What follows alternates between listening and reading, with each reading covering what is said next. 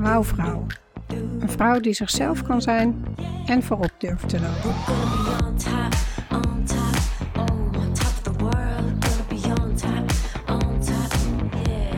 Welkom bij de podcast voor ambitieuze vrouwelijke leiders die dicht bij zichzelf willen blijven en leiden vanuit hun hart en intuïtie. Ik ben Hiltje Oude-Luttekhuis en ik wil een wereld creëren waarin je vrouw zijn geen belemmering vormt om een leider te zijn. Als huisarts, CEO van een one-woman biz, mama van vier kids en imperfecte feminist houd ik openhartige interviews met vrouwelijke rolmodellen uit de artsenwereld, wetenschap, tech en entrepreneurship. Vrouwen die voorop durven te lopen. Ook inspireer ik je met female empowerment topics om je zelfvertrouwen te boosten, zodat jij ook voorop durft te gaan lopen. Luister mee. Laat je verwonderen en uitdagen om voorop te lopen. Dit is de Wouwvrouw podcast. Laten we een nieuwe revolutie beginnen.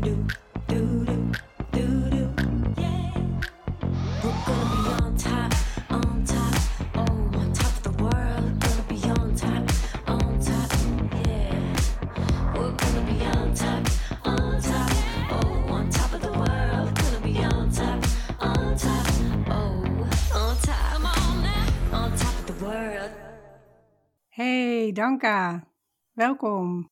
Dankjewel. Welkom allemaal bij weer een nieuwe aflevering van Wouwvrouw de podcast. Met vandaag in de studio Danka Stuiver, huisarts en opiniemaker. Na een cum laude afgeronde studie geneeskunde en succesvol afgerond promotieonderzoek in de vasculaire geneeskunde, vertrok zij voor anderhalf jaar naar Zuid-Afrika, waar ze werkte in een klein districtziekenhuis op de grens met Mozambique. Een vormende en confronterende ervaring, zegt ze er zelf over. Haar ervaringen deelde ze in de rubriek over de grens van het blad Medisch Contact en een krantenartikel voor de Zuid-Afrikaanse krant The Sun, die flink wat stof deed opwaaien. Zo leerde ze de kracht van de pen kennen. In Afrika besloot zij het roer om te gooien en niet aan de opleiding tot internist te beginnen. Inmiddels is ze huisarts en een vast gezicht of woord in de Volkskrant en het blad Medisch Contact. Ze heeft als doel de dilemma's, tegenstrijdigheden en belangen in de zorg te belichten en daarmee een stukje bewustwording en soms verantwoording te creëren. Als je in die verantwoording of bewustwording zit, is misschien niet helemaal de wauw of als je de antipathie daartegen krijgt. Maar welke momenten voel jij je helemaal wauw, Danka? Um, wanneer voel ik me wauw? Ik denk verschillende momenten. Ik krijg altijd heel veel energie op het moment dat ik een, nou, een scherp geschreven column heb geschreven. En je krijgt daar ja, uh, leuke reacties op. Uh, maar ook als ik op de fiets zit met twee schaterende kinderen, of zingende kinderen, vind ik ook altijd heel gezellig. En soms als ik de dag begin, dat doe ik niet heel vaak, maar soms dan, lukt het toch om, om te beginnen met een workout voordat het gezin wakker is. Nou, dan voel ik me wel echt een supervrouw. Mooi, ja. Hey, en in de introductie gaf ik het al even aan, hè, maar die periode in Afrika is voor jou een hele vormende tijd geweest. En heeft zelfs je doen besluiten om niet aan de opleiding voor internist, waartoe je al was toegelaten, om die hè, echt besluiten af te zeggen en om huisarts te worden. Ja. Kan je daar iets meer over vertellen? Hoe ging dat proces voor jou? Um, nou ja, toen ik aankwam in Zuid-Afrika, toen uh, ja, werkten we daar in een, uh, een districtziekenhuisje met een aantal Europese jonge artsen en een aantal uh, Zuid-Afrikaanse artsen die daar een community service deden. Dus die moesten een jaar na het afronden van de geneeskundeopleiding in een afgelegen gebied werken. Dat is verplicht daar. En zij zeiden, oh wow, you have a MD PhD, weet je wel. Dat waren ze van onder de indruk. En um, al heel gauw kwamen ze erachter dat dat eigenlijk helemaal niet zoveel uh, van waarde is. Of kwam ik er ook achter, zeker, dat, uh, ja, weet je, ik heb een PhD, maar ja, kan je eigenlijk wel een keizersnede? Nee, dat kan ik eigenlijk niet. En kan jij eigenlijk wel een thoraxdrain plaatsen? Nee, dat kan ik eigenlijk ook niet. En kan jij een patiënt intuberen? Nee, dat kan ik eigenlijk ook niet. Dus toen had ik, hadden zij zoiets van, maar wat kan je dan eigenlijk wel? En uh, hoe kan het dan dat je dan nu al een MD, PhD bent, maar je eigenlijk je MD nog niet eens fatsoenlijk uh, onder de knie hebt. Dat zeiden ze niet zo. En zeiden altijd heel, uh, ja, wat minder uh, bot, denk ik, dan de Nederlanders. Maar daar kwam het wel op neer. En voor mij was het ook een moment dat ik dacht, jeetje, ik heb altijd gehoord van... Hé, Danke, die weet het wel. Danke, die kan het wel. Hè. inderdaad, wat je zei, mijn, mijn, mijn bachelor en mijn master cum laude gedaan.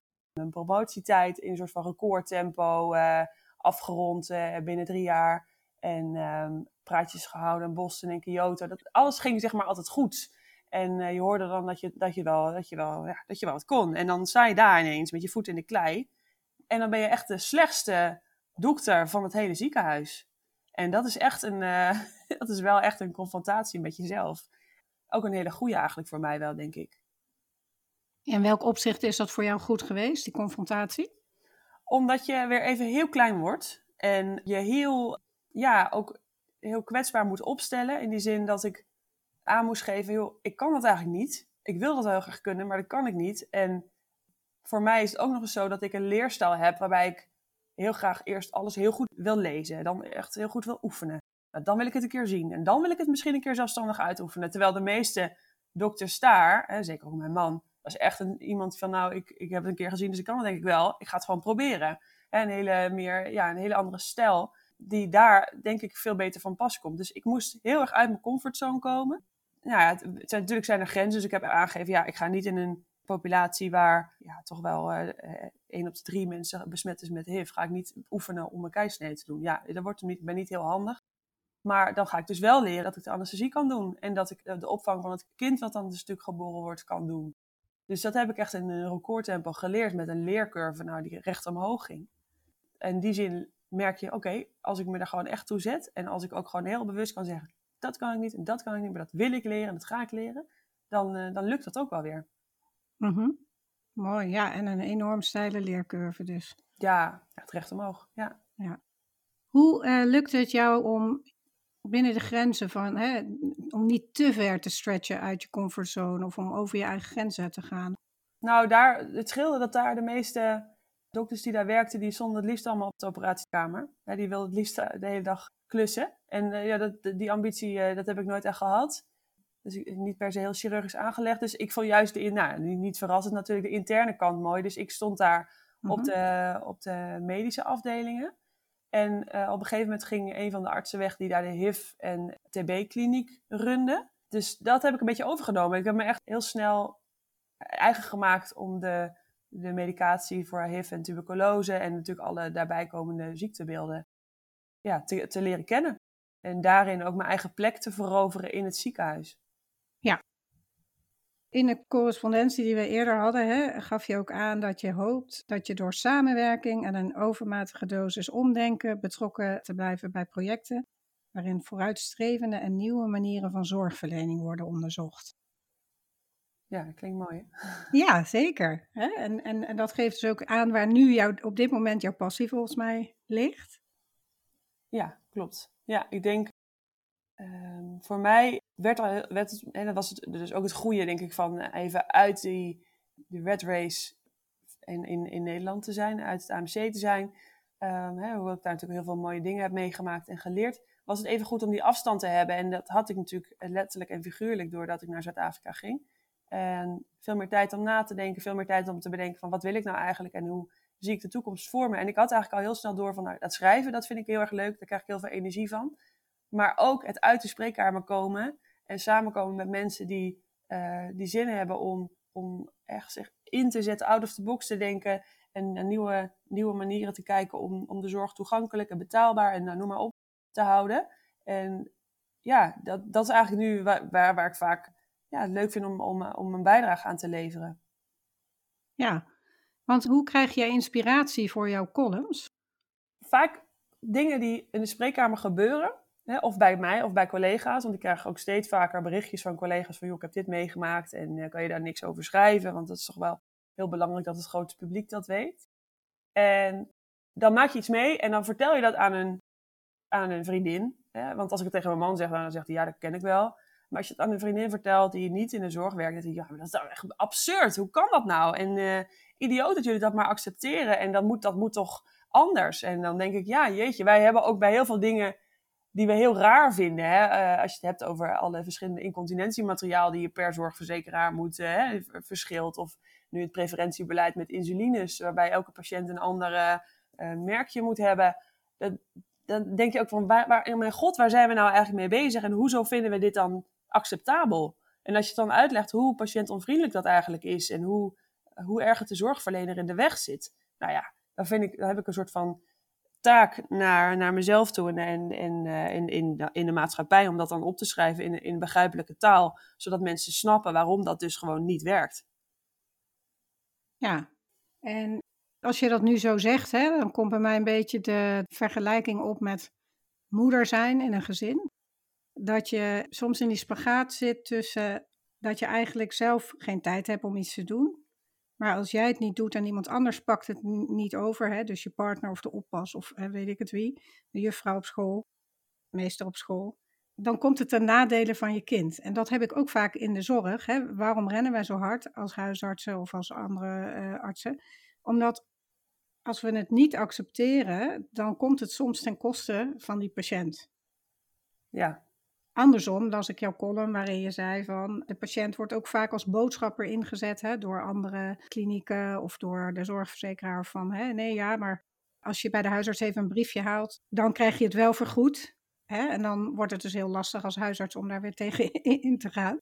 Ja. Want dan ben jij weer de boosdoener. En ja, je schrijft dat ook ergens van. Hè, de belangrijkste taak, of ja, wat, het doel wat we allemaal hebben als hulpverleners in de zorg, is eigenlijk het welzijn van de patiënt. En dat, dat lijken we wel eens uit het oog te verliezen. Ja, dat, dat denk ik wel, ja. ja. Hier, ja. In een ideale wereld zouden medici zich niet bezig moeten houden met het genereren van omzet, maar met wat het beste is voor de patiënt. Ja, dat denk ik. Maar dat is natuurlijk inderdaad een utopie. Het zou, het zou een ideale wereld zijn, maar dat gaat niet zo zijn. Omdat er nu natuurlijk verschillende belangen zijn. Er zijn verschillende prikkels.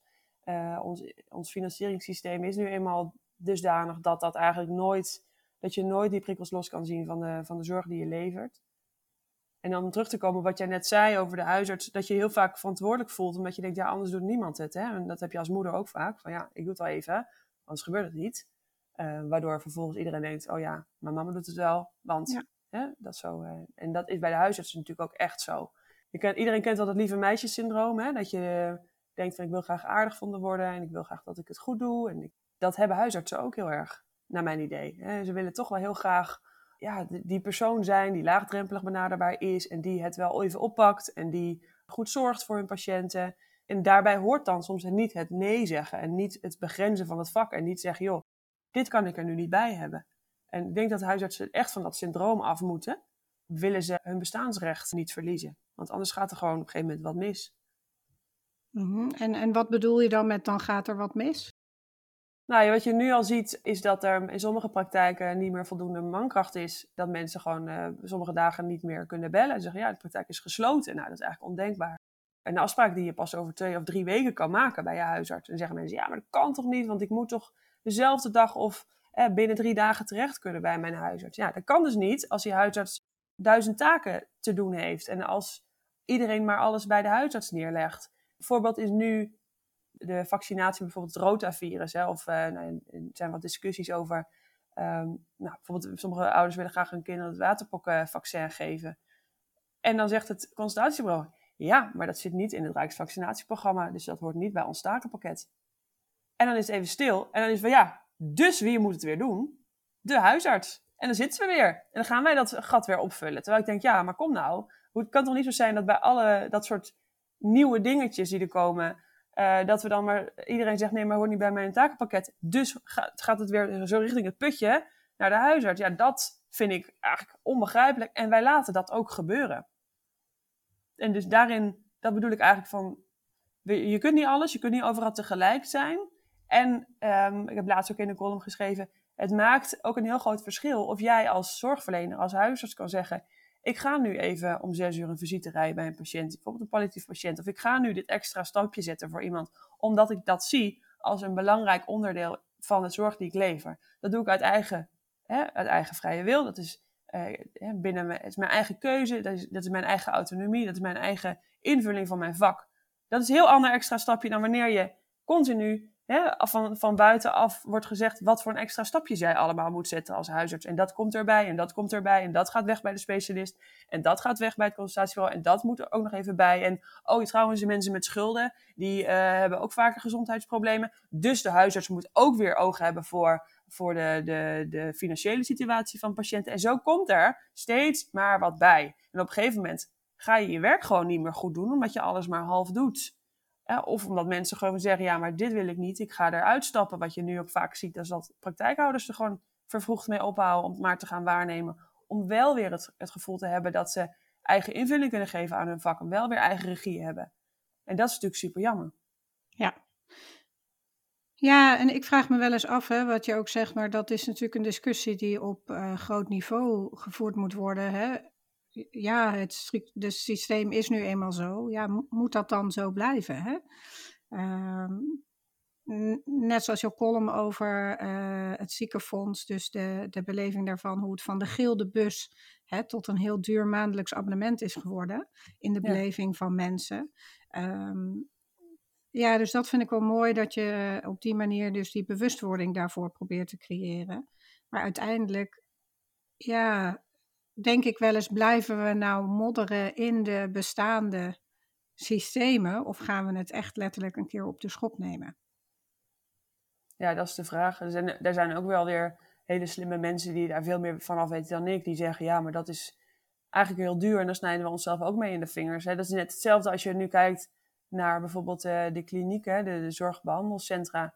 En er wordt er wel kritiek geleverd dat zij um, ja, toch ja, hun, eh, hun, patiënten over die zorgpaden jagen en daar de pre- en postoperatieve zorg uh, soms uh, van weer bij de huisarts neerleggen. Um, maar tegelijkertijd leveren zij zorg veel goedkoper en zijn zij in staat om die wachtlijsten kort te houden, omdat zij gewoon de, bulk van, het, van de geplanbare zorg leveren in de tweede lijn. Dus ja, ik, ik vind het een heel moeilijk. Je kunt eigenlijk overal wel op schieten, maar het heeft ook als je het weghaalt, dan, dan, dan creëer je ook weer een gat wat weer een probleem op gaat leveren. Dus wat dan het juiste is, of wat de goede weg is, dat, uh, ja, dat durf ik ook niet uh, heel hard te roepen. Maar, maar sommige dingen gaan gewoon, dan denk ik, al jaren niet goed. Um, en vinden we inmiddels normaal. En dat is wat ik dan eigenlijk graag wil spiegelen naar mensen toe. Van, hè, van mensen die dus in de spreekkamer heel hard zeggen van... Uh, ja, mijn eigen risico is toch al op. Dus het maakt niet uit wat het onderzoek kost dan denk ik, ja, dat zeg jij nu wel. En dat vind je ook heel normaal. En, en misschien dat ook huisartsen zullen zeggen, oh mooi, nou dan doen we nog even een echootje erbij. Terwijl wat zijn we dan, hè, waar, waar zijn we dan eigenlijk mee bezig? dan probeer ik wel aan te geven, ja maar hallo, dat was natuurlijk niet het hele idee van de zorgverzekering en van het eigen risico. Als iedereen zo denkt, dan wordt het zorg onbetaalbaar. Ga je dat gesprek ook in de spreekkamer aan? Of zeg je van nou, dat is meer die bewustwording, doe ik meer buiten de spreekkamer in de kliniestukken? Nou, ik denk dat ik dat eh, soms wel doe, maar dat hangt er ook vanaf wat voor dag het is. Dus als het echt een hele drukke dag is en je bent alweer aan het achterlopen, denk ik, oh, deze discussie ga ik maar niet aan. Hè? Choose your battles uh, is het dan een beetje. Mhm. En soms dan ook wel hoor, als ik bij bepaalde mensen, ik had laatst ook een jongen en die, nou, begin twintig, uh, jonge, gezonde vent, die al voor de 25ste keer kwam hè, met iets kleins van, ja, uh, ik heb nu, nu een, een, splinter in mijn tenen, wil je er hem even uithalen of zo. En niet, dus op een gegeven moment dan, in het begin ben ik nog wel van, joh, ik zie dat je heel vaak komt. Is er iets waar je je zorgen over maakt? Wil je iets anders bespreken? Uh, wat maakt dat je zo vaak naar de huisarts komt? Maar, nou, dat punt was ik al voorbij. En nu heb ik gewoon gezegd, ja, ik wil jou eigenlijk gewoon de aankomende maanden niet meer zien, tenzij er echt iets aan de hand is. Weet je, tel eerst tot tien of bel eerst je moeder. En ga dan pas de huisarts bellen. En dat zeg ik dan ook wel eens. Nou ja, en sommige mensen vinden dat natuurlijk niet goed. Aan de andere kant denk ik, ja, ik heb ook een verantwoording af te leggen naar de andere patiënten toe die geen afspraak kunnen maken omdat deze jongen hier elke dag zit. Dus ja, ik ga, er wel, ik ga de discussie wel eens aan, maar um, kan het beter schrijven dan zeggen. Omdat ik uh, toch, uh, soms dan schrijf ik iets en dan ga ik er weer terug en dan nuanceer ik het. En dan uh, probeer ik het van verschillende kanten nog even te, te belichten. En als je het zegt, dan kan het soms wat hard overkomen. Ja, en, en gezegd is gezegd. Hè? Dus uh, ik vind het heel mooi jouw verhaal wat je nu vertelt. Ik had zelf dienst afgelopen weekend en daar kwam mij ook een gevoel inderdaad over. En een gesprek wat ik ook met de doktersassistentes daar had. Dat inderdaad heel snel naar de huisarts gelopen wordt of dingen gevraagd worden. En ik heb voor de vaste rubriek Waar gaat je hart sneller van kloppen daar een mooie dualiteit voor jou in bedacht. Dus ik ga jou een aantal tweetallen voorleggen en dan hoor ik graag van jou waar je hart sneller van gaat kloppen. Oké. Chocola of wijn? Chocola. Een boek of een podcast? Een podcast. Hakken of sneakers? Sneakers. Een sterrenrestaurant of friet van Piet? Een sterrenrestaurant. Minder zorgverslaafd of meer zelfredzaam? Oeh. Ja, dit was die bedachte. Ja, maar goed. Uh, meer zelfredzaam. Ja, ik vind het wel mooi dat je dat zegt. Dat was dus die gedachte die wij hadden. Het lijkt wel alsof mensen door de jaren heen minder zelfredzaam zijn geworden. Waarbij je net ook aangeeft, ja, bel eerst je moeder. Hè? Dat... We kregen een telefoontje en ik kan me er helemaal in verplaatsen. Hè? Een jonge vrouw, 20 weken zwanger, had maandag een vetplantje op de, op de keuken gezet en zag dat er naaktslakken in zaten. We zijn nu vijf dagen verder of zes. En zij haalt het koffiezetapparaat uit elkaar en ziet dus dat daar verschroeide naaktslakken onderin zitten. Dikke paniek, want ja, ze heeft naaktslak gedronken. En uh, is netjes gaan zoeken op Google. Dus dat is eigenlijk nog best wel hè, zelfredzaam. Maar hij heeft vervolgens gezien dat als honden naaktslakken eten, dat ze dan bloed moeten laten prikken. Dus nu was er toch wel wat stress ontstaan. Um, nou, dit is een beetje een aparte voorbeeld, hè? maar ja, wat je zegt, een splinter daaruit halen. Goh, wanneer moet de huisarts het doen en wanneer kan je het zelf? Anderzijds denk ik ook wel eens van, ja, je mag alleen komen als er echt wat is. Ja, wanneer weet je nou dan dat er echt wat is? Hè? Dus welke kaders geven we daarin? Ja, klopt, ja. Nee, dat is, dat is, dat is ook echt het lastige daaraan. Hè? En uh, ik denk dat de maatschappelijke veranderingen gewoon maken dat de huisarts het nu ook drukker heeft. De, de dominee en de priester, die, die zijn weg. Hè? Nou ja, veel minder worden die benaderd. De wijkagent, wie weet nog wie zijn wijkagent is, weet ook niemand meer. En Klazien uit Valk, het kruidenvrouwtje, die natuurlijk voorheen werd, werd uh, geconsulteerd, die bestaat eigenlijk ook niet meer. Dus de, de, vaste figuren in de maatschappij, die toch wel een sleutelrol speelden, ja, die, zijn, die zijn er veel minder. En daardoor komt dat nu, dus nu bij de huisarts terecht, die overigens ook steeds minder een vast figuur wordt natuurlijk. Ja, waarom ik het tweetal zeg maar minder zorgverslaafd of meer zelfredzaam had, omdat jij zelf een column hebt geschreven over dat de patiënt zorgverslaafd is geraakt. De column Alice in Gezonde Land.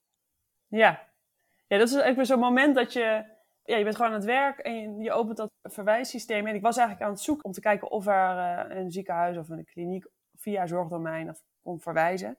En uh, toen moest je dus scrollen. En toen dacht ik eigenlijk, jeetje, Mina, wat hebben we eigenlijk allemaal veel opties om te verwijzen. Hè? Dus ik dacht, ik ga het gewoon dus opschrijven. En nou ja, hè, dus wat ik ook opschreef, de poepgoedpolie. Je hebt de mannenkliniek, de vrouwenkliniek. Je hebt de menstruatiekliniek. Je hebt de tatoeage poli voor mensen met klachten na het zetten van een tatoeage. Je hebt beter buik. En nou, als je dan ook vervolgens op die websites gaat van die instanties of van die, van die klinieken of van die polies, dan zit er gewoon ook weer zoveel marketing achter. Ik denk, ja, eigenlijk is natuurlijk niet gek dat mensen hierom gaan vragen. En is het bijna on, ondoenlijk voor huisartsen om een poortwachter te zijn. Als die poort zo mooi versierd wordt, als het zo aantrekkelijk is en als je ook kijk, want op zorgdomein zie je dan ook de inclusiecriteria, de reden van verwijzing. Dat ging ik daar gewoon eens naar kijken. Toen dacht ik, ja, ik ken eigenlijk niemand meer die niet voldoet aan een verwijzing voor zo'n poli of voor zo'n kliniek. En dat was natuurlijk niet de bedoeling, want op die manier maak je dus iedereen patiënt en medicaliseer je de hele samenleving. En eh, dat is wat ik bedoelde ook met, het is niet alleen maar u vraagt, wij draaien, maar het is ook wij draaien, dus u vraagt. En vanuit dat oogpunt zijn mensen wel gemedicaliseerd of zorgverslaafd geraakt, denk ik. En het, hetzelfde voorbeeld wat daarin staat is, uh, nou ja, je hebt vier kinderen gekregen. Ik weet niet of jij met een volle blaas op een trampoline gaat springen, maar ik vermoed van niet. Zegt even niks. Maar nee, ik zeg even niks. voor de meeste vrouwen die een vaginale bevalling hebben gehad, hè, kan alles weer, maar met een volle blaas op een trampoline moet je gewoon niet meer willen. En is dat dan afwijkend? Of is dat, hoort dat dan bij de levensfase? Moet je dan naar de gynaecoloog voor een operatie, hè, waarbij je de baarmoeder weer wat, uh, wat omhoog trekt? Of moet je accepteren dat je dat dus gewoon niet meer moet doen? En, nou ja. Eh, de tussenstap is nog een bekkenbodemoefeningen te doen, hè? ja, zeker. Die zijn altijd goed natuurlijk. Of een ring. Maar in ieder geval, het, het is meer dat je dat je op een gegeven moment ook moet afvragen. Sommige dingen horen ook bij de tand destijds. Of sommige dingen horen bij de fase waarin je, waar je in zit. En sommige dingen, hè, bijvoorbeeld als jij na een, een, huwelijk uh, of na een relatie van vijf jaar. Je partner gaat vreemd en je bent daar heel somber over. Dat is niet altijd een depressie. Dat is niet altijd een reden om medische hulp te vragen. Dat kan ook een reden zijn om naar een vriendin te gaan, een goede fles wijn open te trekken en het er samen over te hebben. En het vanuit je, hè, je sociale context zelf op te lossen. En ik heb het idee dat mensen steeds vaker daarvoor hulp vragen. Terwijl ja, we kunnen daar niet allemaal hulp voor krijgen. Dus je moet daar wel een schifting in maken. Nou ja, misschien is wat je eerder zei daarin ook wel belangrijk. Hè? Dus die belangrijke sleutelfiguren of mentorfiguren die je normaal in de samenleving had. Of hè, uh, gesprekken die je daarover kon voeren, bijvoorbeeld met een geestelijke. Wij hebben trouwens, waar ik uh, werk, is inmiddels weer een dorpsondersteuner ingesteld. En dat is eigenlijk iemand waarbij je ook dit soort vraagstukken kan aankaarten. De andere kant is, hè, ik denk dat er daadwerkelijk ook wel echt mensen zijn die baat hebben en ondersteuning nodig hebben in die verschillende levensfase problemen. Alleen ze kunnen niet allemaal uit het stukje medische zorg betaald worden. dus daar zit het onderscheid ook in. Dus deels, sommige dingen moet je accepteren als van het hoort erbij. En dan moet ik mijn eigen verantwoordelijkheid nemen om daar zelf voor te betalen. Mm Nou, dat is natuurlijk lastig, want zei je voor je hebt geen geld. Nou ja, daarom, maar daarom is het, ehm, ja, dus zeg je dan dus niemand heeft recht op relatietherapie. Of alleen de mensen uh, die geld hebben? Um, nou, dat, ik denk dat.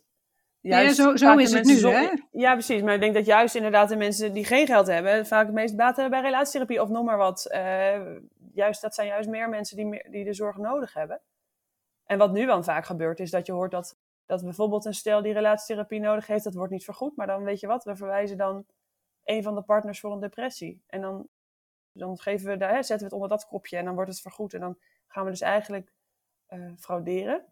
Ja. hè, nou ja, dus dat, dat is wat ook heel veel gebeurt. Waarbij ik me ook afvraag van, ja, jeetje jongens, waar zijn we nou mee bezig? Als we dat soort dingen gaan doen, dan is het einde zoek. Ja. En, maar de vraag is dan een beetje, hè, wie bepaalt of iemand wel of niet daar recht op heeft? Ik weet niet hoe dat vroeger ging met die gildebus. Daar zou ook iemand toch op hebben moeten letten welke zorg er wel en niet uitging. Ja, die stond volgens mij op de plank bij, uh, bij de, bij de ja, uh, hè? En uiteindelijk werd het toen natuurlijk bepaald door, de, door, door de, de, het gilde. Door de mensen die daar samen natuurlijk allemaal geld in deden. Ja. Dus daar was wat meer sociale controle op. En nu is er geen sociale controle meer. Want als jouw buurvrouw de bikinilijn laat lezen uit de, zorgverzekering, ja, dan zou jij zeggen, oh chill hé, hoe heb je dat geregeld? Uh, dat wil ik ook wel. In plaats van dat je zegt, hé, maar dat is mijn geld, waar jij daarmee gedaan hebt. Zo voelen wij dat niet meer. Maar in feite is dat natuurlijk wel zo. Ja. Ja, zeker.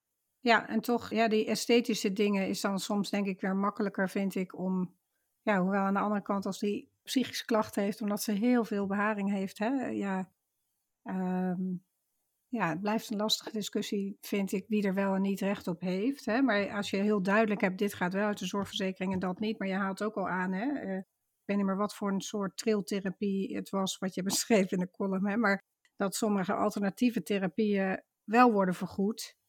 En dan relatietherapie bijvoorbeeld weer niet. Ja, dat is ook heel vaag natuurlijk. Ja, klopt. Dus ook, moet je ook afvragen. Dat, daar krijg ik trouwens wel een hele boze behandelaar natuurlijk uh, in mijn mailbox dat ik die therapie had benoemd. Het zijn altijd mensen die er natuurlijk anders over denken. Maar um, dat, ja, dat is natuurlijk ook heel moeilijk. Hè? Dat is natuurlijk de taak van, uh, van, de, van de zorgverzekeraar en, en, en nou ja, uiteindelijk ook van de, van de politiek om te zeggen wat, wat wordt er wel en wat wordt niet in het basispakket vergoed. En dat wordt ook steeds meer uitgekleed en wat is ook veel kritiek op. Um, naar aanleiding van jouw opmerking over reacties hè, op je columns, vind ik wel leuk. Zie je daarin verschillen? Bijvoorbeeld tussen jonge artsen, oudere artsen, mannen of vrouwen? Ja, zeker in het begin. Ik heb op een gegeven moment een interview gegeven voor de arts en auto.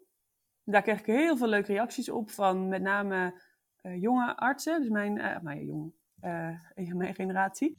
En uh, zo jong ben ik ook niet meer, maar um, dertigers. En ook veel vrouwen. Hè? Ook wel professoren. De mensen die gewoon uh, mijn berichtje stuurden. Zeiden wat leuk dat je ze uitspreekt en uh, goed. En Nou, zouden meer mensen moeten doen, bla bla. Maar de oudere mannelijke artsen, die gingen soms echt wel tekeer. En dat vond ik heel opvallend. Waarbij ik merkte dat sommigen ook echt wel een beetje het op de vrouw speelden. Hè? Want dat, ik, was een foto op een piano waarmee ik op de voorkant stond. En dan kreeg ik echt te horen van dat vrouwtje, dat huisartsenvrouwtje, moet maar van een pianootje, hè, van dat klaviertje komen. En een toontje lager spelen. En dat ik iets schreef over dat immunotherapie niet, voor, niet meer voor iedereen, dus niet voor elke 90-jarige, dat we daar selectiever in misschien moeten zijn. Of dat opperde ik. En dan van, oh, ik wist niet dat de huisarts dat voorschreef. Weet je wel? Dan krijg je dat, waar bemoei je eigenlijk mee? En uh, het feit denk ik dat, dat er, er is natuurlijk heel veel veranderd de laatste tijd. Ik denk dat uh, het feit dat je als vrouw uitspreekt in een, nou ja, voorheen mannenwereld, en laat staan als huisartsenvrouw over het, ziekenhuis en over uh, de gezondheidszorg in de volle breedte. Ik denk dat sommigen dat wel heel moeilijk te verteren vinden. Je merkt het verschil daarin, zeker als het gaat om mannen die voorheen in een raad van bestuur ergens hebben gezeten of in een andere ja, positie van, uh, van macht, die dat dan uh, moeilijk te verteren vinden. Ja.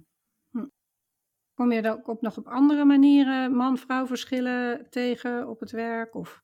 In het algemeen zijn er uitdagingen die jij hebt gezien, bijvoorbeeld tussen mannen en vrouwen in ons vakgebied? Of? Um, ja, ik, ik vind dat, uh, dat is natuurlijk wel een heel brede vraag. Ik denk dat in, in, de, in het huisartsenvak, zeker ja, bij, bij vrouwelijke huisartsen, en dat geldt ook voor mezelf, ik ben natuurlijk getrouwd met een medisch specialist, die veel langere dagen maakt, veel meer diensten doet, die veel minder flexibel is. Um, dat het vaak ook zo is dat het thuisdeel, hè, ondanks dat we wel een, schoonmaakster hebben die één keer in de week komt, hè, maar uh, de tractatie voor school, het geld wat klaar ligt voor de schoonmaakster, een kaartje voor de juf, uh, nou, noem even op, dat soort dingen ligt dan ook op, op het bordje. En dat zie, zie ik meer bij vrouwelijke collega's zo zijn. Dus dat ze en moeten proberen om een goede dokter te zijn, en dat ze thuis toch wel grotendeels uh, in ieder geval emotioneel zien dragen. En terwijl mannen, denk ik, gewoon meer op de praktijk zijn, hun werk doen. Ja, zich daar ook vaak wat, uh, ik weet niet, minder in uh, gespleten in voelen. Minder het gevoel dat ze aan twee kanten aan ze wordt getrokken. Maar goed, dat is natuurlijk een generalisatie. Dat is niet overal zo.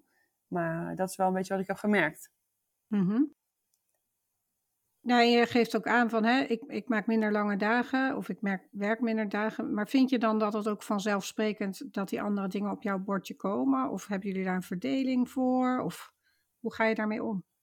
Nou ja, het afgelopen jaar was het laatste jaar van de opleiding van, van Joris en van mijn man. En die, toen wisten we al wel, toen moest hij vanuit Utrecht iedere keer naar Zutphen en naar Apeldoorn rijden. En hij kon geen vaste papadag krijgen, wat hij, wat hij eerder wel had. Dus toen was het zo van ja, toen zei hij ja, jeetje, ik moet dat, eh, dus is dat nou een probleem? En toen hebben we heel bewust, heb ik heel bewust gezegd van nou ja, daar kunnen we een probleem van maken, maar we kunnen ook het oplossen door te zeggen, dan blijf ik dus gewoon los, en meer deel los waarnemen. En dan heb ik, dan vul ik gewoon die gaten in en dan kijk ik aan elke maand van welke dagen zijn er nou en doen we het op die manier. En daarnaast was het natuurlijk zo dat hij niet wist waar hij werk kon vinden, dus om me ergens helemaal vast te leggen, dat was dan ook niet heel handig. Ja, dat doet hij natuurlijk ook niet voor de lol. Hè? Dat, dat doet hij niet om mij te pesten. Dat doet hij ook omdat hij niet anders, uh, omdat, hij, omdat het gewoon nu niet anders is.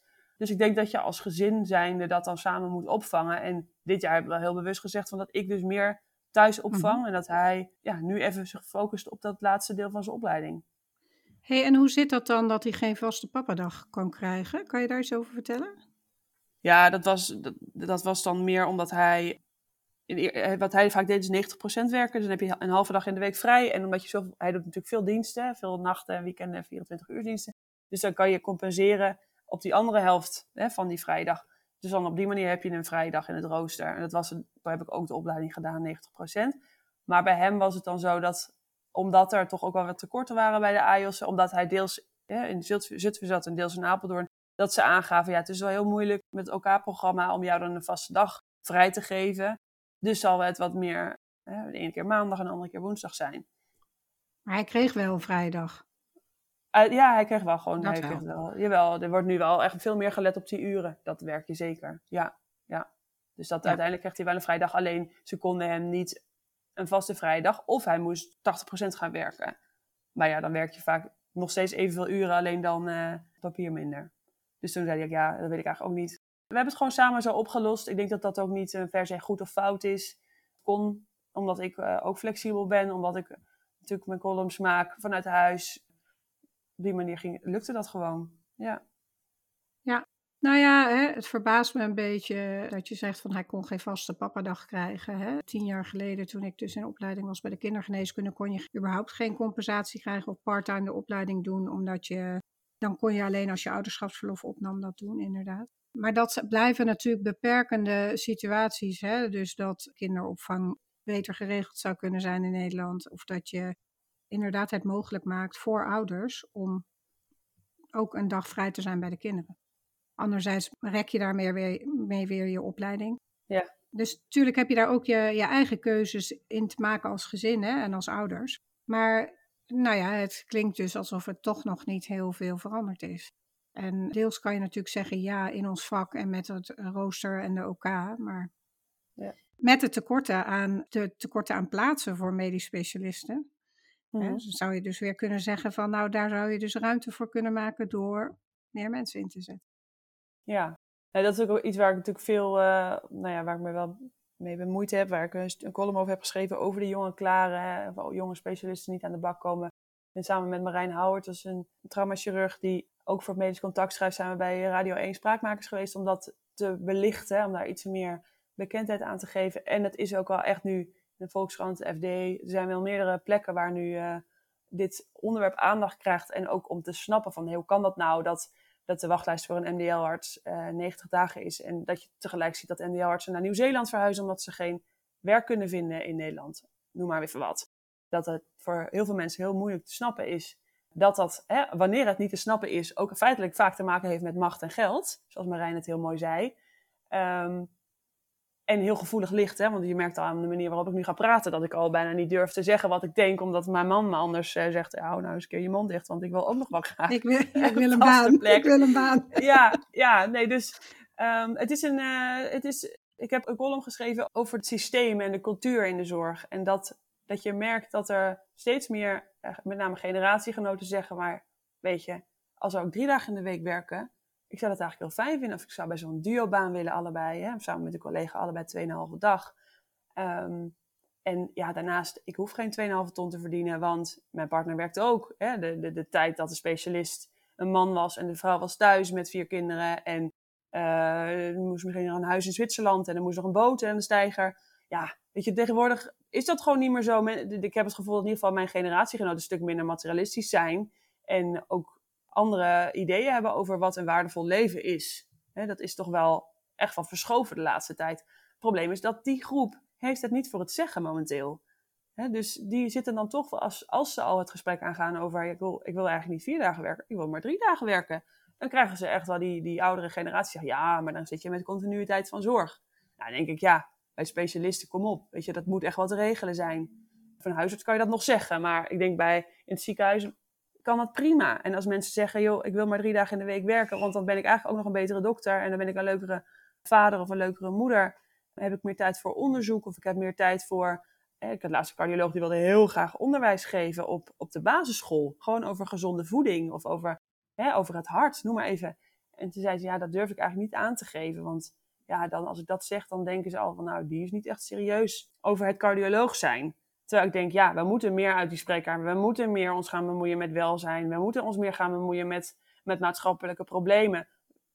omdat het nu eenmaal met elkaar verweven is. Dus het zou juist mooi zijn als je, als je ziet dat, uh, ja, wat je nu ook merkt, dat, dat chirurgen zijn die zeggen, joh, ik vind het zo erg dat ik na één operatie drie vuilniszakken aan wegmateriaal heb. Hè, dat wil ik eigenlijk helemaal niet meer. En waarom hebben we dat eigenlijk en kunnen we dat niet veranderen? Hè, dus er gebeurt heel veel, er verschuift heel veel. Maar uiteindelijk die harde klap met die hamer, die, waarin we zeggen we gaan het anders doen, uh, die, die hamer die is niet in de handen van die, van die jonge specialisten of van die groep. Dus ik heb ook in een column een beetje die, juist de, de groep die aan de goede kant van de tafel zit, die daar net zit, hè, die een beetje proberen aan te spreken. Van jongens, maar wacht even, vergeet even niet wat jullie allemaal zeiden toen je, toen je AJOS was.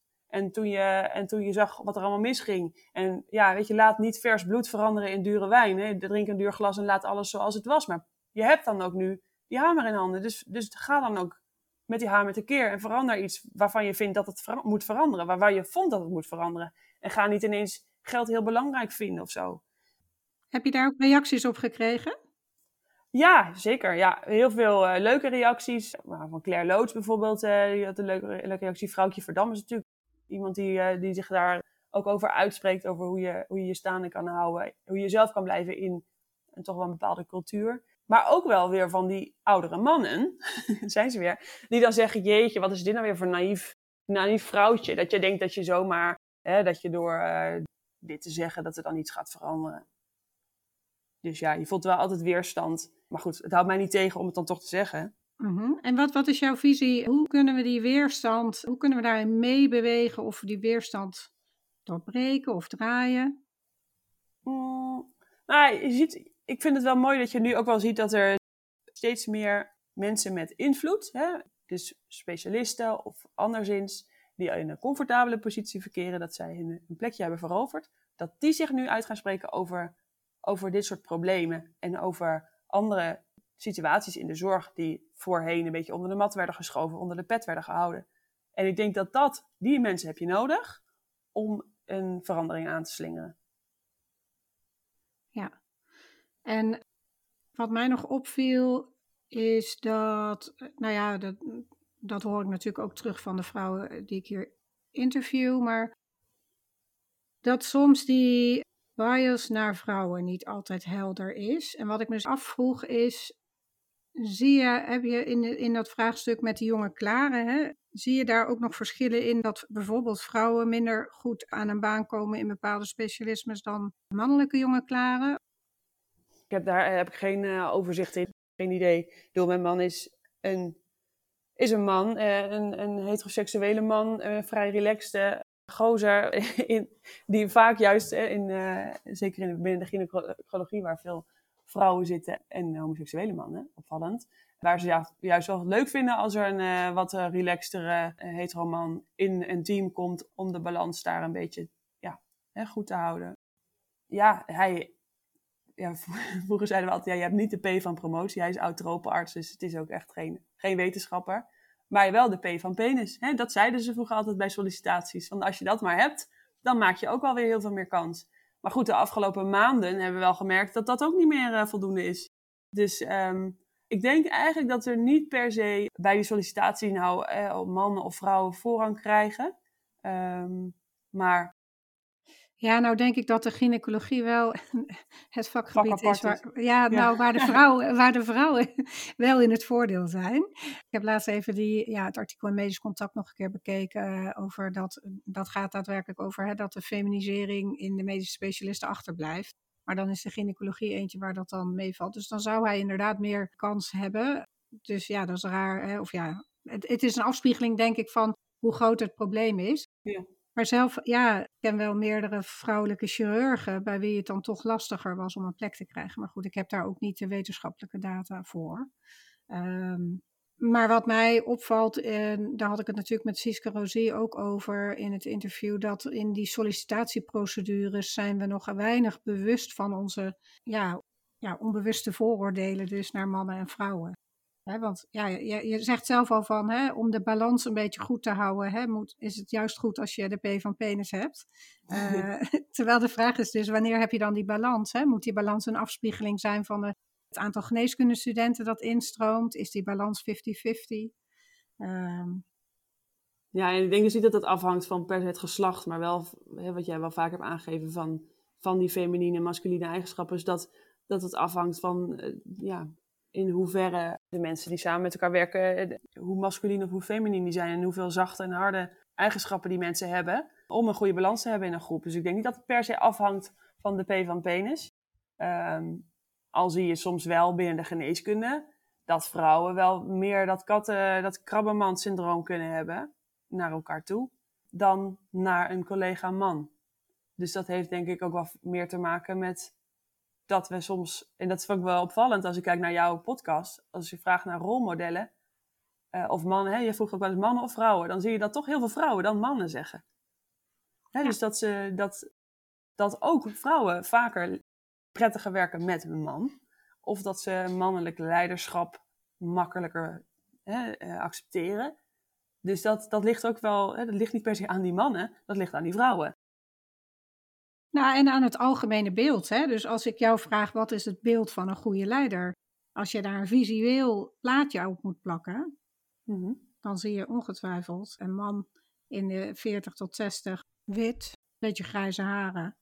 Eh, ja, ja ik, ik, heb niet iemand, ik heb niet iemand in gedachten denken, ja, dat is wel, eh, dat is wel zo, ja. ja. En het verandert wel, hè, gelukkig. Dus we hebben het natuurlijk vaker over. eh, kijk, ik, ik ben ook heel dankbaar, al die vrouwen die ons voorgegaan zijn. Maar je ziet wel dat de vrouwen die tot nu toe aan de top zijn gekomen, echt hun mannelijke eigenschappen hè, of masculine kwaliteiten ook hebben moeten, meer moeten omarmen of aanzetten om daar te komen. Tijdens mijn promotietijd zat ik deels in het Slotervaartziekenhuis en deels in het AMC bij de vasculaire geneeskunde. Nou, in het Slotervaartziekenhuis is Dees Brandjes, professor Brandjes, die iedereen kende. En op een hele, ja, bijna, hij had een beetje een Don Corleone-achtige stem. En een hele duidelijke visie. Niet per se eh, eh, altijd heel vriendelijk, maar wel heel duidelijk, heel helder, heel rustig. En ja, enorm charisma had die man altijd. Of heeft hij. Ehm, en iedereen luisterde naar hem. En hij wist ook bij een overdracht tussen de, hè, met chirurgen. En er was een ruzie over een patiënt met buikpijn die bij de internisten lag. En daar worden de internisten zenuwachtig van. Dus die willen dat die patiënt dan naar de, naar de chirurgie gaat. En dan stond een beetje, ja maar wij. Hè, en ik vond het zo knap dat hij dan uiteindelijk met een grap of een, eh, met maar een paar zinnen. Van, van, "Oh, jongens, maar wacht even. Het gaat hier om die patiënt. En waar is die patiënt het beste af? En in dit geval. En dan zei hij een paar dingen en dan moest iedereen lachen. En dan was het geregeld. En nou, de helft van de week zat ik in het AMC. En daar zat Saskia Middeldorp, die heb je ook gesproken ook. Die kwam daar volgens mij toen net. En ik wist nog dat eigenlijk alle vrouwelijke promovendi, die keken wat tegen haar op. Zij eh, is denk ik 20 centimeter kleiner dan ik. Maar toch heeft zij, de hoge hakken, ehm, heeft ze altijd wel een bepaalde uitstraling die deze brandjes in mijn ogen ook had. Ook een bepaalde rust over zich, een bepaalde humor, een, echt een visie waarmee je probeert om het beste uit mensen te halen, terwijl ze dat niet altijd leuk vinden. En dan vond ik het altijd zo opvallend. Dan liep Saskia over de, over de afdeling en dan was er altijd kritiek van, jeetje, jeetje ziet ze er weer uh, uit alsof ze uh, een modeshow gaat lopen, hè? Zei iemand dan. Terwijl ik dan dacht, ziet er gewoon hartstikke goed uit. Ze heeft gewoon hartstikke mooie kleren aan en ze heeft haar dus verzorgd. Maar daar gaat het helemaal niet om, hè? Want iemand bij deze brandjes zei dat nooit. En dan dacht ik, als vrouw kan je dan ook eigenlijk niet goed doen. Of je bent dan dus eh, nou ja, niet verzorgd genoeg. Of je, hebt, eh, je moet je meer kleden naar je functie. En dan zie je eruit om, om door een ringetje te halen. Dan ben je weer te ijdel. Dus dat vond ik altijd heel opvallend. Dacht ik, als vrouw sta je eigenlijk al wel weer met 1-0 achter. En moet je je bewijzen. Of moet je zorgen dat mensen daar voorbij kijken. Um, terwijl mannen, ja, die komen gewoon binnen en die doen hun ding. En daar is minder, is minder kritiek op, volgens mij, naar mijn idee. Zeker wanneer het gaat om de manier waarop ze eruit zien of waarop ze zich voordoen. Ja, het is natuurlijk wat nu recent in de media ook weer heel duidelijk werd. Hè? Kijk naar Kaaggate, om het zo maar te Ja. zeggen. Ja, ik heb daar eerder ook een podcast over opgenomen, over het krabbenmand-fenomeen en queen bee gedrag. Ik hoop ook in de podcast nog een keer Belle Derks onder andere te interviewen, die daar dus onderzoek naar gedaan hebben. Dat het helaas hè, nog steeds wel zichtbaar is, hè? dus het bestaat nog steeds. Ik denk zelf dat het ook samenhangt met de, de, de cultuur. Hè? Dus de veroordelende cultuur, die ons heel vaak in ons vak natuurlijk helpt. Want door te kijken naar de afwijkende dingen of dingen die we niet goed vinden, vissen we dus ziekten eruit. Hè? Dus uh, daarin worden we heel erg getraind om te oordelen en veroordelen. Van wat klopt er niet. Maar dat, dat werkt ook door in dat gedrag. En ik ben nu een heel leuk boek aan het lezen. De titel is een beetje uitstootgevend: The Feminist Fight Club. Maar daar werd ik op getipt door iemand. En daar staan hele goede regels ook in van hè, als je in die club zit, wat je moet doen. En een daarvan was van nou probeer minstens één keer in de maand een andere vrouw te steunen of te cheeren of een compliment te geven. Toen dacht ik, ja weet je, dat zijn hele kleine stappen die we zelf kunnen zetten. Net zoals wat jij zegt van, ik dacht dan van, oh je ziet er gewoon alleen hartstikke mooi uit. Dan denk ik, nou hè, het mag ook gezegd worden. En ja, als je zelf dan in zo'n, nog in een promovendus positie zit, hè, dan zal je dat niet zo snel doen. Maar ik denk dat de tijden wel aan het veranderen zijn, dat het wel kan. Daarom spreek ik het even uit. Hè. Dus bij deze ja. heeft iedereen toestemming om andere vrouwen te complimenteren en te steunen.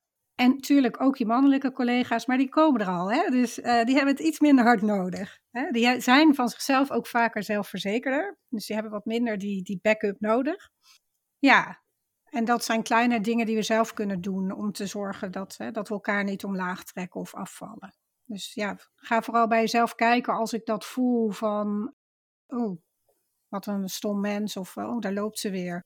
Oh, ja, wat, wat, triggert dat bij jou? Hè? Waarom voel je mhm. dat? Mis je zelf iets? Ben je onzeker? Nou, dat soort dingen.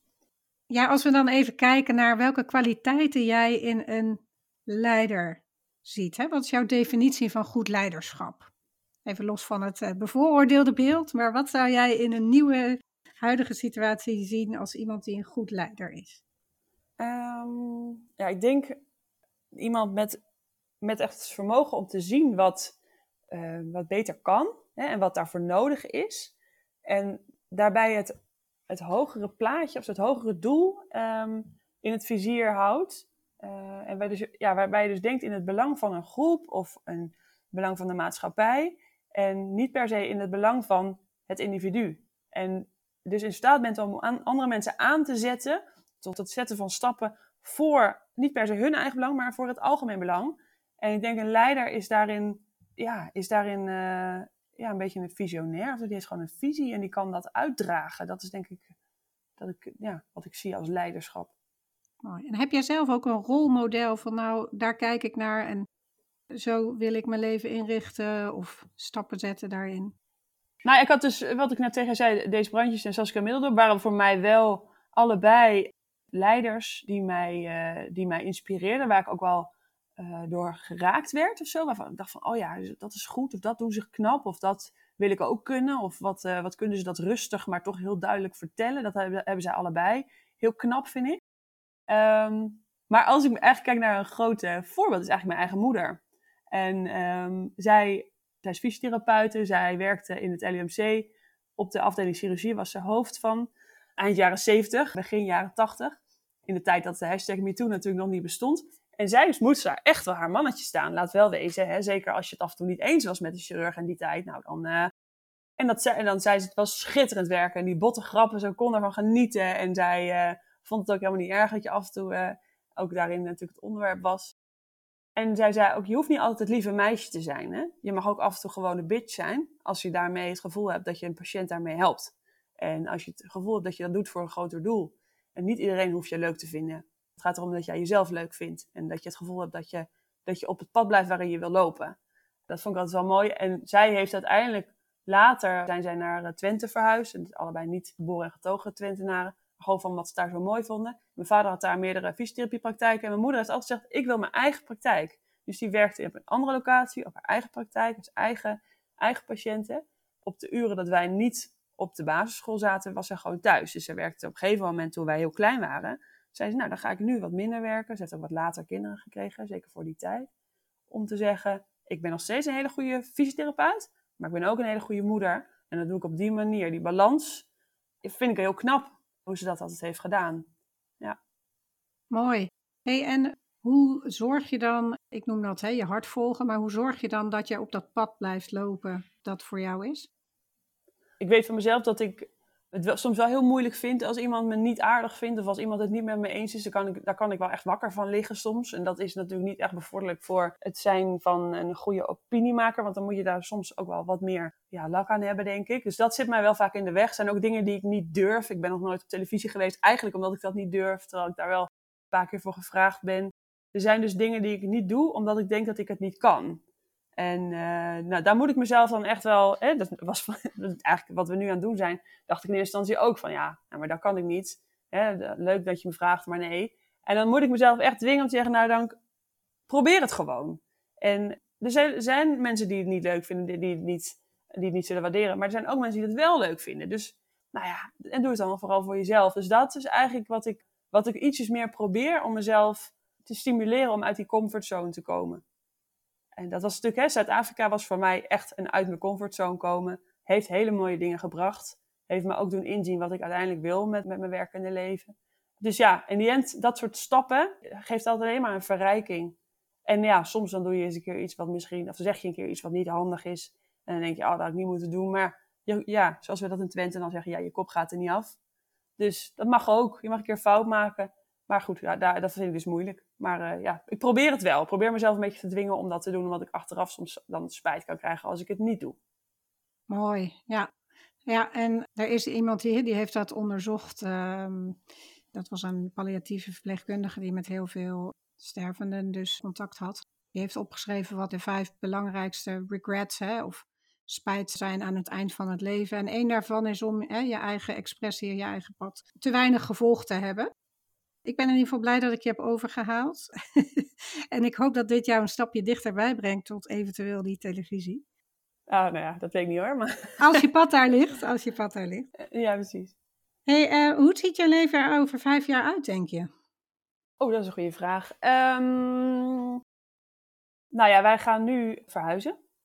Ook dus, nou ja, wat ik jou verteld heb vanwege werk van mijn man, hebben we nu gezegd we gaan naar Aruba. En daar gaan we met het gezin eh, voor, voor een bepaalde tijd wonen. Weet nog niet hoe lang, maar dat gaan we nu doen. Daar ga ik samen met vrouwtje Verdam ook een boek schrijven. Over, ja, om, om iets dus meer van hoe hou je nou vast aan jezelf? Hoe kunnen we misschien afkomen van het lieve huisartsensyndroom. Zonder dat we daarin eh, ja, onderdoen voor eh, de meerwaarde die we hebben als huisartsen. Dus dat is een beetje het doel wat ik heb. Om het samen met haar te doen, want zij is daar natuurlijk al, eh, al mee bekend.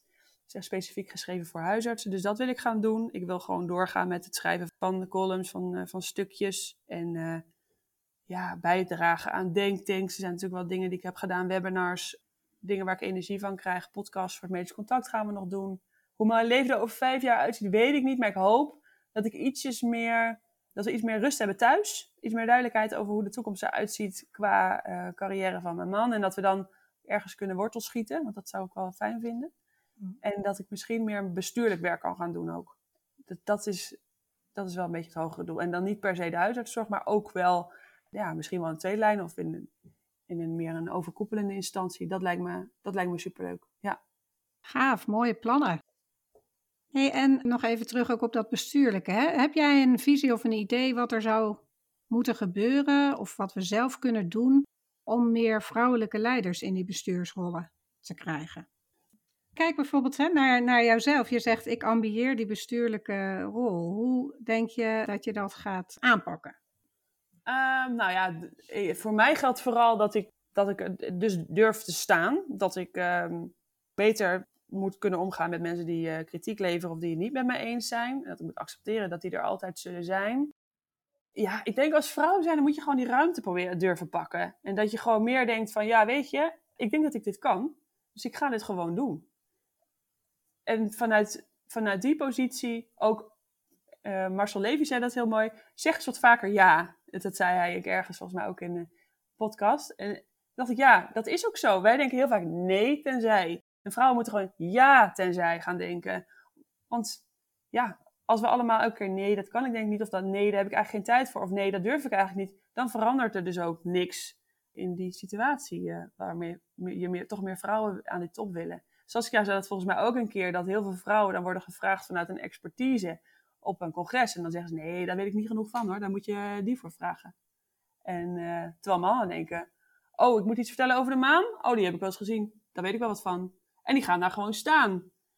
Dus wij hebben een, als vrouwen, volgens mij hebben we gewoon een, een bescheidenheid. We hebben, we hebben ook een angst om het verkeerd te doen. Om sociaal eh, beoordeeld te worden. En daar moeten we een beetje vanaf zien te komen. En dat moet volgens mij door gewoon vaker te denken in ja. Mooi, ja. Ik, ik, hoor, ik hoor ook heel mooi hoe je die voor jezelf in kan zetten. Hè? Dus dat Ja. je zegt van, ik vind het af en toe een beetje spannend. En herkenbaar, hè? daarom moet ik lachen, want het, het- ik heb het zelf net zo goed. Dus eh, ja. En inderdaad ook die unhooking from praise en criticism. Hè? Het losmaken van, van lof en kritiek. Hè? Zeker als opiniemaker of inderdaad bestuursvormer. Ik had nog een mooie verrassingsvraag voor je. Als jij een dier zou zijn, welk dier ben je dan? Of in welk dier komen jouw kwaliteiten samen? Heb je een spirit animal? Nou ja, dit klinkt waarschijnlijk heel raar, want de meeste mensen kiezen natuurlijk voor, weet ik veel, een tijger of zo. Maar dat, ik dacht dus, eigenlijk, niet qua uiterlijk, maar qua innerlijk ben ik een beetje een paard. Want een paard is natuurlijk een hele harde werker, is heel loyaal. Hè? Dus natuurlijk voor de mensen altijd de eeuwige vriend geweest als transportmiddel. Staat daar altijd, maar is ook een heel gevoelig dier. En is heel trots. Als je een paard onheus bejegend, dan draait hij zich om en krijg je een schop in je gezicht. Ik denk dat, dat, dat ik daar mezelf wel met al die verschillende kwaliteiten, wel, dat ik daar wel uh, mezelf in herken. Ja. Mooi. Super. Zijn er nog dingen waarvan je zegt, nou, dat wil ik nog kwijt? Um, ja, ik had nog opgeschreven dat we als medici, misschien een beetje passend bij wat we net bespraken met dat huisartsen zich zo verantwoordelijk voelen voor patiënten. Hè, uiteindelijk zie je toch wel onder medici dat ze zich überhaupt heel verantwoordelijk voelen. Niet alleen voor de patiënt, maar ook voor hun collega's. En voor het feit dat gewoon de, de, de, de zorg moet altijd doorgaan. Hè? De, de show must go on, go in de zorg.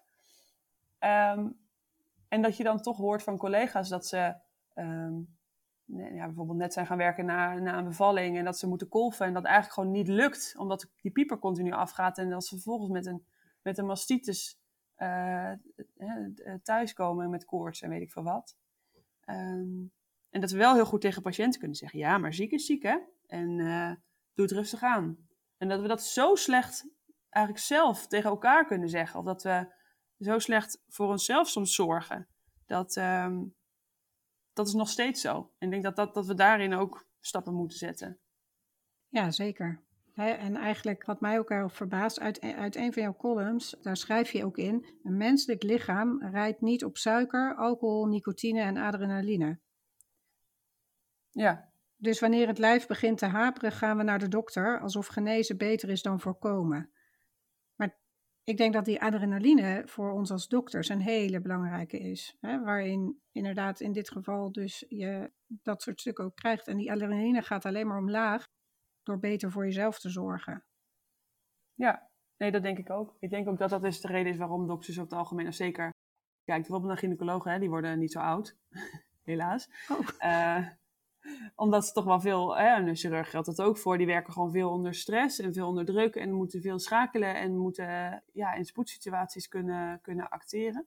Dus dat, uh, ja, dat is, uh, dat is zeker zo. Wat ik trouwens nog wel ook wel een leuke vind om toe te voegen aan, we hadden het net over dat, dat er zo'n verandering plaatsvindt hè, in, in de cultuur hè, en in, in de huidige generatie en de, in de zittende garde. Als je over, als je over kerk, kerkhoven loopt, dat zag ik laatst, een steen met daarop een naam van iemand en dan daaronder bij leven chirurg. Dat ik echt, dat zouden we natuurlijk nu nooit meer doen. Maar dat is wel die reden, denk ik ook, waarom, waarom heel veel specialisten met name doorwerken. Omdat ze zich enorm identificeren met hun vak. En als je dus een scalpeltje wegneemt, wat blijft er dan nog van over? En ik denk dat als, je nu, als ik nu kijk, of kijk naar Marijn, of ik kijk naar, naar eh, vriendinnen die chirurg zijn, dan is dat veel minder zo. Die, voor hen is niet het, het, werk per se alleen maar het leven. En bepaalt het vak niet wie ze zijn. En dat is dus ook wel iets wat nu steeds meer verandert. Mensen die nu overlijden zouden denk ik niet bij leven huizers of bij leven chirurg op de steen zetten. Maar dat vind ik dan toch een mooi voorbeeld van cultuursverandering die wel plaatsvindt. Mooi, ja. En het gaat dan inderdaad minder om de externe identiteit, hè, maar meer misschien de, ja, de joy en de levensvreugde die jij uit je vak haalt. Ja. Die bepalen dat je dat vak doet in plaats van, en, en daar zouden we veel meer naartoe moeten, waardoor je ook beter voor jezelf kan zorgen. Ja, ja, dat denk ik ook. Ja. Ik zag nog een mooie, uh, je hebt hem als titel gebruikt voor een column, maar ik vind het eigenlijk ook wel een mooie afsluiter gaan we straks op dezelfde zorgverslindende voet verder. Ja, die had ik geschreven volgens mij in maart 2020 of zo, helemaal aan het begin. En een beetje met de hoop dat we, dat we juist in die fase, ja, dat weet jij ook, uh, werd het heel rustig in de, in de praktijk en mensen belden bijna niet meer. En als ze belden, dan was het vaak wel echt met een belangrijke reden. Dat veel meer mensen daardoor ook merkten van, goh, als ik niet meer drie uur in de file sta, dan is mijn rugpijn dus weg. En mijn blaasontsteking gaat ook vanzelf over. En ik heb niet per se een dokter nodig om iets op te lossen, maar dat kan ik eigenlijk ook zelf. En ik had een beetje de hoop dat dat dan na corona, als hè, nu, dat, de boel weer gaan draaien, dat, dat die zelfredzaamheid uh, blijvend zou zijn. Maar nee, dat, ik denk dat we wel kunnen vaststellen dat we nu nog nooit zo druk hebben gehad als, uh, als nu. Dus dat was ijdele hoop. Ja, dus ik, ik vrees dat we op dezelfde zorgverslindende voet verder gaan. Ja. Oké, aan de andere kant heb ik jou ook ergens uh, Die column had je me niet als huiswerk gegeven, maar daar heb ik wel Oh. een quote uitgehaald. En toch blijf ik het proberen. Want klein succes op klein succes geeft uiteindelijk ook grootse resultaten. Waar, Dus wat, ja. Daarmee, daarmee? Nee, nee, het onderwerp maakt niet uit. Ik vind de quote mooi. Oh, hè? ja. Ehm, in de zin van, ik denk toch, hè, wat ik om me heen terughoor van sommige patiënten, die hebben ervaren in die lockdown hoe fijn ze het eigenlijk vonden dat ze niet elke zaterdag ergens een afspraak hadden. Dus ik snap je teleurstelling in de hoop. Die voel ik ook, hè, wat ik zei al van de dienst. Namelijk het stukje zelfredzaamheid. Aan de andere kant zie ik toch ook wel de tendens dat mensen meenemen van, goh, hè, dit vond ik eigenlijk best wel oké aan de lockdown. En ik wil niet meer op die manier verder. Ja, En dus al die kleine vonkjes, hè, die kleine successen, die leiden uiteindelijk tot grootste resultaten. nou dat is de hoop hè. Precies. Dus we blijven het proberen. Zeker. Dank je voor het gesprek. Alsjeblieft. Let's start a revolution. Are you in?